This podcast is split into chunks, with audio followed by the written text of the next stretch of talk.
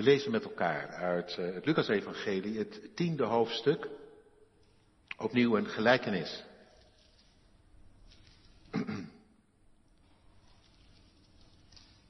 En die gelijkenis heeft natuurlijk altijd een aanleiding, en ook hier. En de aanleiding doet ook helemaal mee in de verkondiging. Lucas 10 vanaf vers 25. En zie, een wetgeleerde stond op om hem, om Jezus te verzoeken. Hij zei, meester, wat moet ik doen om het eeuwige leven te beërven? En hij zei tegen hem, wat staat er in de wet geschreven? Wat leest u daar? Hij antwoordde en zei, u zult de Heere uw God liefhebben met heel uw hart, met heel uw ziel, met heel uw kracht en met heel uw verstand. En uw naaste als uzelf. Jezus zei tegen hem, u hebt juist geantwoord, doe dat en u zult leven. Maar hij wilde zichzelf rechtvaardigen en zei tegen Jezus, wie is mijn naaste? Jezus antwoordde en zei, een man ging van Jeruzalem naar Jericho en viel in de handen van rovers. Die hem de kleren uittrokken, hem daarbij slagen toedienden en hem bij hun vertrek half dood, liggen, half dood lieten liggen. Toevallig kwam er een priester langs, diezelfde weg. En toen hij hem zag, ging hij aan de overkant voorbij, evenzo ook een leviet. Toen hij op die plek kwam en hem zag, aan de overkant voorbij ging. Maar de Samaritaan, die op reis was, kwam in zijn buurt. En toen hij hem zag, was hij met innerlijke ontferming bewogen. En hij ging naar hem toe, verbond zijn wonden, goot er olie en wijn op. Hij tilde hem op zijn eigen rijdier en bracht hem naar een herberg en verzorgde hem. En toen hij de volgende dag wegging, haalde hij twee penningen tevoorschijn. Hij gaf ze aan de waard en zei tegen hem, zorg voor hem. En wat u verder aan kosten maakt, zal ik u geven als ik terugkom. Wie van deze drie denkt u dat de naaste geweest is van hem die in handen van de rovers was gevallen? En de wetgeleerde zei, degene die hem barmhartigheid bewezen heeft. Jezus zei tegen hem, ga heen en doet u evenzo. Het thema voor vanochtend is slinkse vragen en storende antwoorden. Gemeente van Christus, broeders en zusters, hier in de kerk, al zijn het er maar een handvol, en thuis. Die wetgeleerde, we lazen die heeft een vraag. Goeie vraag trouwens. Wat moet ik doen om het eeuwige leven te beërven? Nou, dat is nog eens mooi. En kom er maar eens om dat mensen daarmee zitten. Dat hun vraag is. Nou, dat staat in dit geval te bezien. Want hij vraagt het niet omdat hij ermee zit, maar om Jezus te verzoeken staat er. Eigenlijk om Jezus onderuit te halen, een antwoord te ontlokken waarmee hij de boer op kan. Hij kan zeggen, die Jezus die deugt voor geen meter hoor. Hij doet zich wel voor als profeet en rabbi, ja dat had Jezus gedaan hè. Via zijn leerlingen, dat was niet misselijk geweest. Moet je maar eens, maar eens lezen in het voorgaande van dit hoofdstuk. Op uitgezonden in zijn naam. En hij had gezegd, als ze u niet ontvangen, betekent dat ze mij verwerpen. En met dat ze dan mij verwerpen, verwerpen ze ook mij. Ook hem die mij gezonden heeft. En dan hebben ze een, een groot probleem. Het zal Sodom en Gomorra verdraaglijker zijn dan al die keurige dorpen en steden hier in Galilea. Waar ze denken bij God in een goed blaadje te staan, maar intussen gewoon hun eigen godsdienst erop nahouden. En leven bij, en meer leven bij hun eigen gelijk dan bij de genadige God. Nou, dat was geen misselijke boodschap. En, en wie zit er nou op zulke boodschappen te wachten? Die wetgeleerde ook niet hoor. Dat, dat, dat hij en, en, en, en zijn uh, en degene die bij hem hoorden, dat zij het dan bij het, het verkeerde eind zouden hebben en hij alleen bij het rechte eind. Nou, nou, daar word je wel zaggerijnig van, hè? Dat laat je zomaar niet gezeggen. Toen niet, nu niet, nooit niet.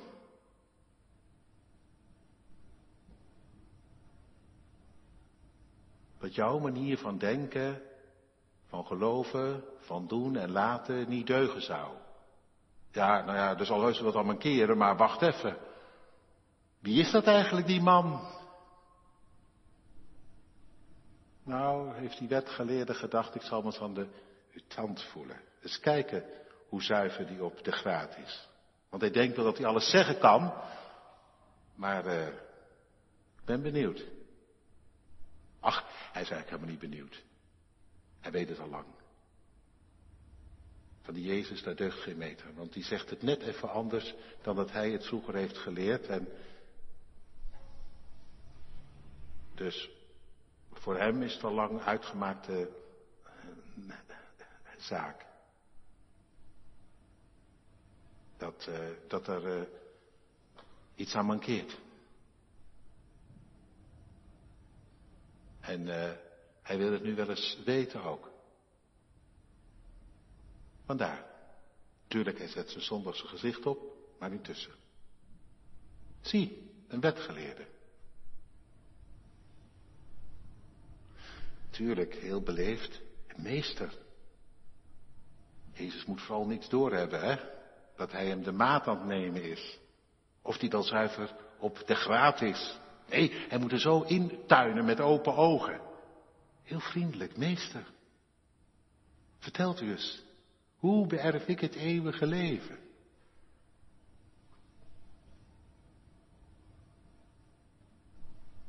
Ja, zo kun je dus ook met de godsdienst omgaan en met de meest wezenlijke vragen. Alleen maar om je gelijk te halen. Mag hopen dat u, dat u niet dit soort uh, helletjes uh, met de Bijbel, met het goede woord van God. Dat je de woorden gebruikt om te kijken of de ander wel deugt. En als het even kan, om de ander onderuit te halen. Want dan kun je wel voor je gevoel voor de waarheid zijn, maar je leeft intussen dwars tegen de waarheid in. In plaats van de liefde je erop uit om de ander af te serveren. Toch? En zodat jij kunt triomferen. De wetgeleerde heeft het niet door waar hij mee bezig is. Dat is het hele trieste. Het lijkt allemaal zo goed en hij, ik denk, ik denk hè, ik denk dat hij voor zichzelf ook gelooft dat hij het echt goed bedoelt. Want ja, Zuiverheid in de leer, dat maakt natuurlijk wel wat uit. En je kunt niet alles over uh, je kant laten gaan. Dus de man gelooft in zichzelf, heus. Een groot zelfbewustzijn, anders was hij nooit naar Jezus gegaan om hem uh, aan een onderzoek te onderwerpen. Moet je wel een beetje lef hebben, toch? Dus die man heeft een groot zelfbewustzijn. Intussen, terwijl hij heilig gelooft in zijn eigen gelijk, zit hij er compleet en naast is die bezig zich te bezondigen aan het grootste gebod. Het gebod van de liefde tot God en tot zijn naaste. Want dit is niet wat God bedoelt, hè? In zijn wet. Dat je de ander onderuit haalt. Om hem af te serveren. Om hem te belasteren. Hem weg te zetten.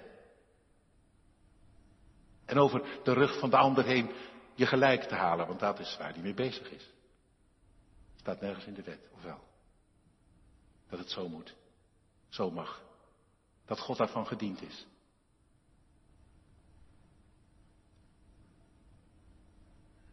Het is wat. Kan raar lopen. Ook in jouw leven soms. Denk je er goed aan te doen om eens even de puntjes op de i te zetten? En is op elke i behalve die van de liefde. En dan ben je zomaar je schuldig aan het maken aan het grootste gebod. Denk er maar eens rustig over. Ik heb net gevraagd of de kinderen willen denken. Misschien moet jij ook eens rustig gaan denken. Over waar je soms mee bezig bent. En ik hoop, natuurlijk, ik hoop dat je het helemaal niet herkent. Maar goed, je zijn allemaal maar mensen. Je hoeft er heus geen wetgeleerde of een fariseer voor te zijn. Om er zaggerijnig van te worden. Als Jezus de vinger legt bij jouw leven en zegt, zoals het er nu uitziet, wordt het echt niks. Doe je voor Sodom en Gomorra niet onder. hoef je niet zwaar voor te wezen om je daaraan te ergeren. Je kunt ook zo oppervlakkig wezen als wat en denken, hij kan me nog meer vertellen. Wie denkt die dominee wel niet dat hij is? Je bedoelt eigenlijk, nou ja, Jezus, toch? Ja, ik heb het niet bedacht. Hij zei tegen mij, wie jou verwerpt, verwerpt ook mij. En degene die mij gezonden heeft. Ik sta hier niet voor mezelf. Nou ja, het wordt nu wel heel heftig, vindt u niet? Nou, dat moet dan maar even. Kan het ook niet helpen. Zo heftig gaat het er hier aan toe. Dat is het conflict. Altijd weer. Dat wij niet gelijk zitten te wachten op dat wat Jezus echt op zijn hart heeft. En als hij het zo op tafel legt in ons leven, dat we voelen, dit is het niet, wat u bedoelt. Nou ja, goed. Um, weet je wat mij zo opvalt? De reactie van Jezus. Want ik moet u zeggen, en dat heb je misschien al wel een beetje gemerkt, als ik zo aan het preken ben, dan kan er zomaar bij mij een beetje irritatie ontstaan. Allerlei gevoelens en gevoeligheden. Dan moet u nou eens letten op hem. Dat is nou echt Jezus, hè. Daaraan kun je nou zien dat hij God is. Niet stuk te krijgen. Zelfs niet door onze gemenigheid en lafheid. Want hij blijft gewoon rustig en mild. En hij heeft ook hart voor deze man, terwijl hij hem doorziet en weet dat hij, dat die ander bezig is hem te verzoeken, hem de maat te nemen en het liefst onderuit te halen. En toch, hij blijft wie die is. Mild, genadig. Kijkt de man aan, vraagt heel rustig. Nou, wat denkt u? Het eeuwige leven, daar vroeg u naar, wat denkt u? Wat staat er? In de wet. Vertel het eens, dat zult u toch wel weten? Ja, dit is eigenlijk apart, hè? Jezus vraagt naar de bekende weg. Nou ja, dat had die man natuurlijk zelf ook gedaan. Welke wetgeleerde vraagt er nou, meester, wat moet ik doen om het eeuwige leven te beërven? Kom op, zegt Jezus. Als jij dat toch zelf niet, als, als jij dat niet weet, vertel eens man. Je weet het antwoord zelf. Ja, en het komt er ook zomaar uit, hè? De man die weet het ook. De Heer uw God liefhebben. Met heel uw hart, met heel uw ziel, met heel uw verstand. Met al uw kracht. En uw naast als uzelf. Precies. Tja. Kun je je voorstellen dat die man eigenlijk voor gek staat met zijn antwoord. Want hij vraagt iets aan Jezus wat hij zelf eigenlijk al weet. Hij komt wel heel raar aan het licht. Het is gewoon een onzinnige vraag geweest. Als hij even had doorgedacht, had hij geweten, die Jezus heeft mij door. Maar ja, duurt soms even, hè, voordat een mens toe wil geven dat je onzinnig bezig bent. Terwijl Jezus het hier eigenlijk wel op een hele vriendelijke manier laat zien. Meneer, u weet het al zelf. Gewoon God nummer één. En dan de Heere liefhebben. Nee, niet als een soort verdienstelijkheid, maar die, die barmhartig en genadig is. Die ik ben, die ik ben, die.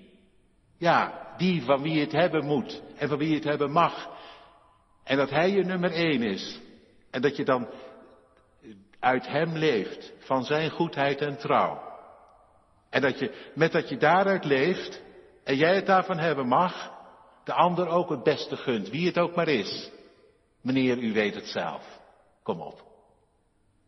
Doe. Doe dat en u zult leven.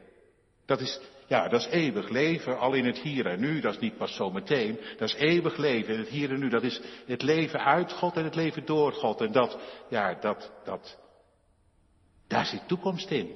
Dat wordt zelfs in de dood niet afgebroken. Dat leven uit God, dat gaat door. Dat houdt niet op als je laatste adem uitblaast. Integendeel, dat komt dan tot ontplooiing en vervulling. Nou ja, zoiets. Dat zit er allemaal in. Mooi hè? Nou ja, die wetgeleerde voelt ineens aan, op de een of andere manier, dat Jezus hem hier de spiegel voorhoudt. Uw naast als uzelf. Ja, je zult het ook maar meemaken. Hè? Jezus heel rustig, die dan doorvraagt, die jou zelf het antwoord laat geven. En die je dan vol liefde blijft aankijken en zegt, doet u net zo. Het kan zomaar gebeuren dat je dan ineens begint te kleuren. En voelt, wat ik nu doe, waar ik mee bezig ben, is alles behalve liefde. Het is pure haat. En als, ja, ik denk dat die blik van Jezus, dat op de een of andere manier bij die man heeft losgemaakt. Onzekerheid. Die wil het hebben. De blik van een heel eerlijk mens. En die was er eerlijker dan Jezus. Als die jou aankijkt. En heel rustig gewoon zegt waar het op aankomt. Dat je ineens heel onrustig wordt. Heel onzeker. En weet het deugt voor geen meter waar ik mee bezig ben. Maar hij staat er, want ja, hoe kom ik daar nou op? Nou, vanwege het vervolg. Maar hij, dat betekent, eh, er is een soort, het is een soort, zeg reactie op iets. Op innerlijke onzekerheid. Maar hij wilde zichzelf rechtvaardigen. Dus dat hele proces wat er in hem omging, dat wordt hier niet beschreven door die Lucas. Maar het vervolg, ja, dat laat het eigenlijk wel zien. Dat dat dat zo'n soort proces is geweest. Maar hij wilde zichzelf rechtvaardigen. En zij, oh ja, natuurlijk, dat is altijd de bekende vraag. Maar wie is dan mijn naaste? Zegt u mij dat eens, want dat zegt u nu wel. Maar wie is dat dan? Ja, zolang je maar kunt blijven vragen, hoef je er niet aan te geloven. Misschien herken je dat wel als jongere. dan voel je soms, het deugt niet, het klopt niet, maar dan bedenk je een nieuwe vraag. En dan kun je er weer van afmaken. Van dat goede, dat genadige van God. Dat geweldige wat Hij zei, het enige wat ik van jou verlang. Of je nu veertien bent of achttien is, dat jij blijft om te beginnen in mijn liefde. Dat ik de nummer één mag zijn. Ik zoals ik ben voor jou. Dat je niet wegduikt, maar dat je aan mij verliest, want dat, zo heb je me lief. Je hebt God lief, niet als een soort, uh, nou ja, een soort verdienstelijkheid, van kijk eens hoeveel liefde ik voor God heb. Nee, je hebt God lief door Hem voor jou te laten zijn wie die wezen wil. En dat is toch zo duidelijk als wat. Hoe heb jij als kind je vader of je moeder lief? Door een soort uh, diploma in liefde te halen? Nee, natuurlijk niet, schiet op. Maar door je vader, je moeder, vader en moeder voor jou te laten zijn. Ja, zo eenvoudig is het.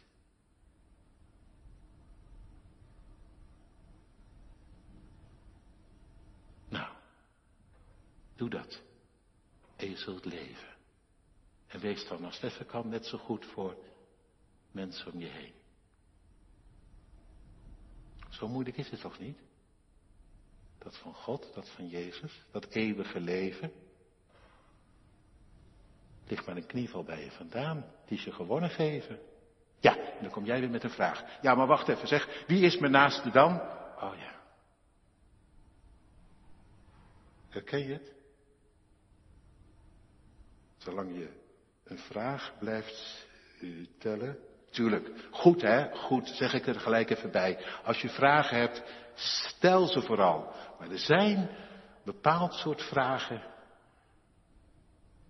die helemaal niet worden gesteld om wijzer te worden, maar alleen om de boot af te houden. En het is aan jou om uit te maken hoe dat nou bij jou is. Wil je wijzer worden of wil je de boot afhouden?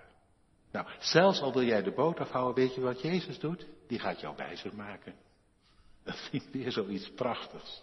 Dat is nou liefde. Dat is nou gewoon liefde. Jezus die dan niet uh, zegt, ik heb jou wel door en uh, je wilt er niet aan geloven. En, uh, nou ja, en dan als daar afserveert, met gelijke munt terugbetaalt. Nee, dat doet God nooit, hè? doet Jezus hier ook niet. Die man is bezig de boot af te houden en Jezus gaat aan de slag om hem wijzer te maken. Dat is God. Goede God, hè? Hij is zo goed. Hij heeft die man nog net niet helemaal door, en wij ook niet altijd, maar die is het wel. En, en dan begint hij met dat verhaal. En dat is een heel bekend verhaal. Een prachtverhaal trouwens. Toen ik het weer las, en ik ken het natuurlijk, kan bijna wel dromen. En jij misschien ook, want ja, dat verhaal is al in de kinderbijbel een keertje langsgekomen. Misschien zie je het plaatje ook nog wel voor je. Die man zo half dood langs de weg. En dan komt die priester. Ja, iemand heeft wel eens gezegd, had net uh, geofferd voor het volk. Heel dicht bij het hart van God geweest. Zelf ervan geleefd, echt, ook oprecht. Niet zomaar. Er staat helemaal niet bij dat die, dat die priester schijnheilig was of zo. En toch wat heeft hij er nou van meegenomen? Hij ziet die man liggen achter, geen eer aan te behalen.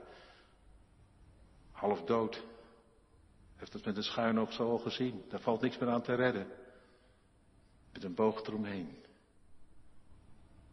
Ah, je voelt dat het vloekt, hè, met elkaar. Ben je zelf net in de tempel van de dood gered, omdat er een een offer werd geofferd. Een lam lag te bloeden. En jij met een boog eromheen. Nou, het kan zomaar gebeuren, hè? Wil die priester er wel op aankijken? Maar het kan ook mij overkomen, laat ik het even heel dicht bij mezelf houden. Heb ik hier gepreekt over een God die goed is en die zonder onderscheid te werk gaat en dan loop ik de kerk uit. Ja, dan zit ik ook niet gelijk te wachten op een zwerver die daar tegen het hek aan zit en waar ik me dan ook nog eens over ontfermen moet. Ik heb al gepreekt ook, dus uh, ik heb mijn best al gedaan. Snap je dicht, hoe dicht dat bij kan komen? Bedoel dat liefdeloze en dat het niet strookt met elkaar. Dat wat je beleidt en preekt en zingt en gelooft en waar je uit leeft en wat je doet. Meneer de wetgeleerde, heb je het een beetje door? Daar komt de leviet voorbij. nou ja, de leviet is geen priester. Ik zei het al tegen de kinderen. Ik, ik, ik heb dat altijd als een beeld zo voor mij. Dat, was, dat komt door het plaatje uit de kinderbijbel hoor. Maar dan zag je die priester al een beetje in de vette. En, en, dan, en dan die leviet. Althans, dat is het plaatje wat ik heb gezien. En, en die leviet die, neemt dezelfde route als die priester. Die kijkt het gewoon van die priester af. Ja, zo gaat dat. We kijken het allemaal van elkaar af. Waar als hij niks doet. En als het voor haar niet hoeft, waarom zou ik dan? En trouwens, Ja, laat de kerkenraad omkijken naar die en gene. Of laat de dominee. Nou, en als die. Moet ik dan wel? Nou ja, weet je, allemaal van dat soort zinnetjes. Ja, ik begrijp het ook wel. Je neemt elkaar zomaar dan mee op al die andere sporen dan het spoor van Christus.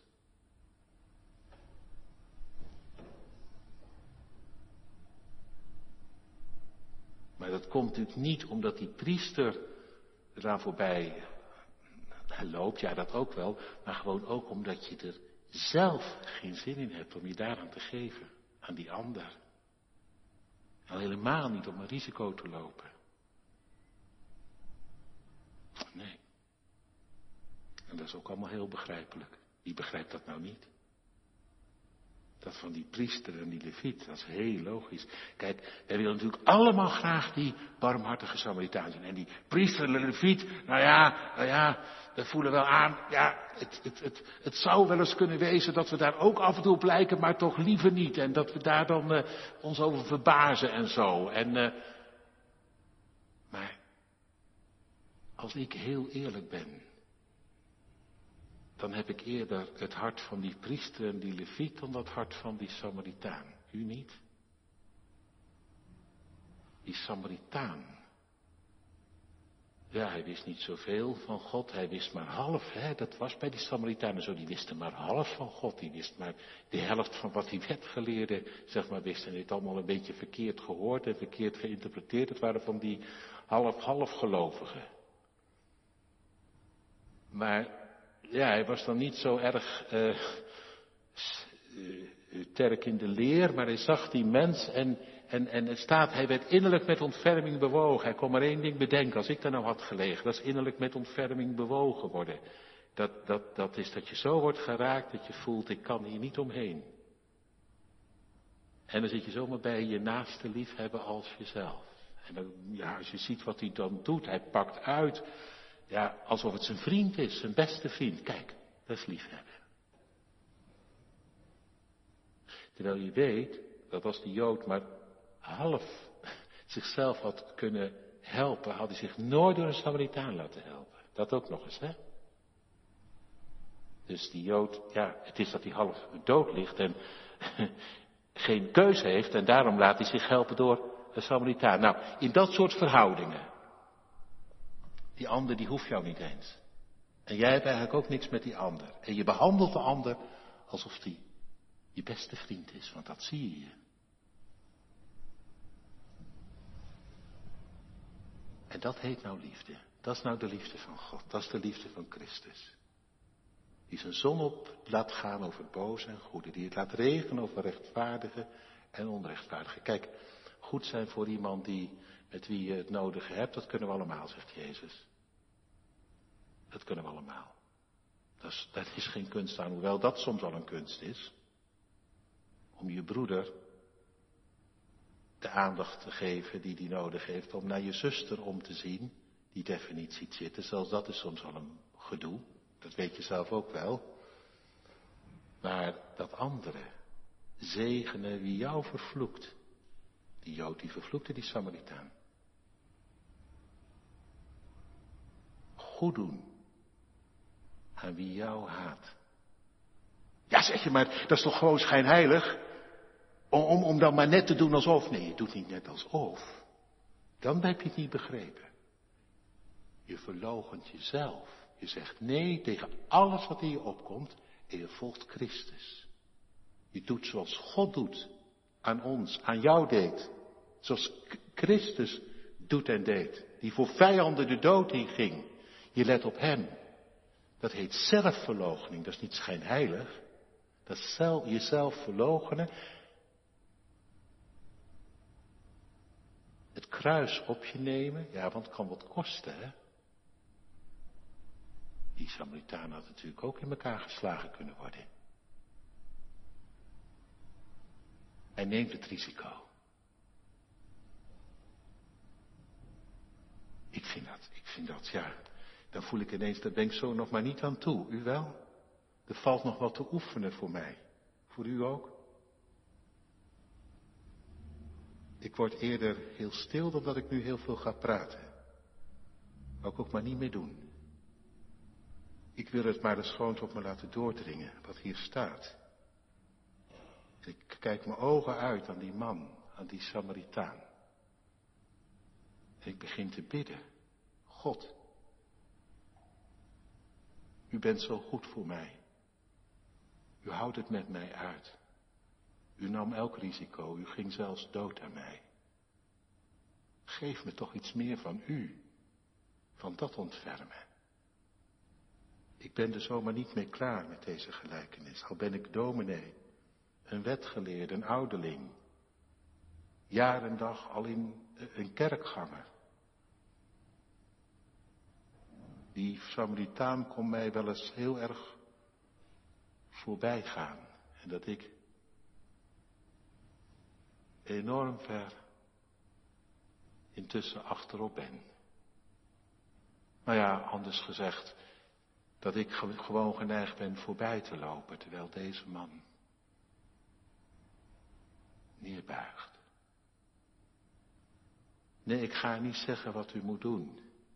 En als u nu zegt, ja, maar kan de hele wereld toch niet helpen? Dat wordt ook helemaal niet gevraagd, toch? Zegt Jezus dat nou? Nee toch? Hij vraagt iets anders. Wie is hier de naaste geweest? Voor hem die in handen van de rovers is gevallen. Hij zegt niet dat je de hele wereld moet helpen. Hij zegt of je de naaste wilt zijn voor iemand die jij op je weg ontmoet. Niet wie je naaste is, dan kijk je altijd om je heen. Die wel, die niet. Nee, kijk naar jezelf. Voor wie ben ik de naaste? Wil ik een naaste zijn? Voor die. Ja, dan heb je maar één ezel, dus je kunt er maar één tegelijk. Je hebt maar twee paar handen, dus je kunt uh, alleen die ene die jij ontmoet dan, en dat is ook goed. Er wordt helemaal niet van die Samaritaan gevraagd dat hij dat iedereen helpen moet. Maar die ene, ligt er wel eens een op jouw weg.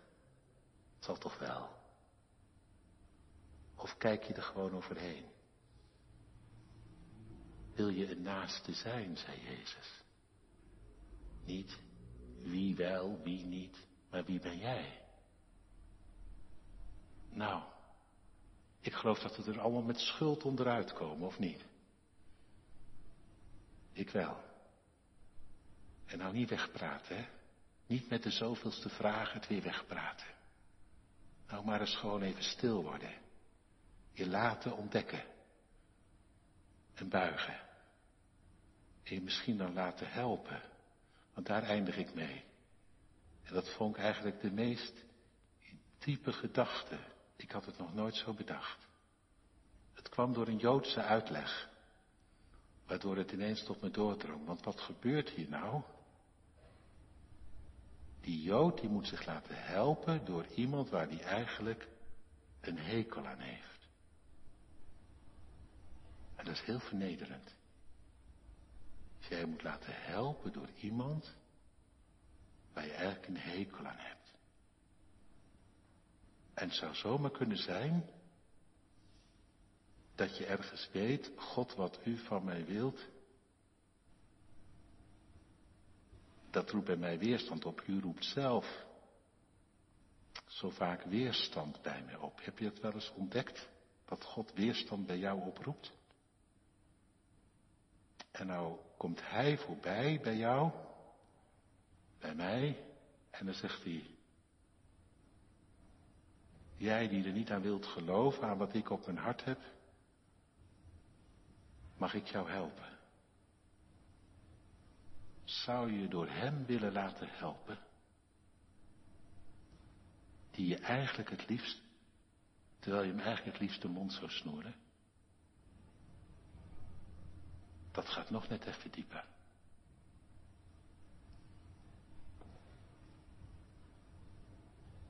Die gelijkenis eindigt ook. Ja, eigenlijk heel stil. Die wetgeleerde weet niet meer goed wat hij zeggen moet. Ik kan alleen maar voor mezelf spreken. En dan zeg ik, oh God, help me maar. Om te beginnen, vergeef mij. Dat ik het niet in me heb. Laat me leven van uw liefde die mij hebben kan. Zoals ik ben. En leer mij de liefde te leven die u hebt voor mij. Gods verborgen omgang vinden zielen waar zijn vrees in woont. De heilgeheim wordt aan zijn vrienden, aan zijn vrede, verbond getoond. Ik hoop dat er zoiets is gebeurd vanochtend. Amen.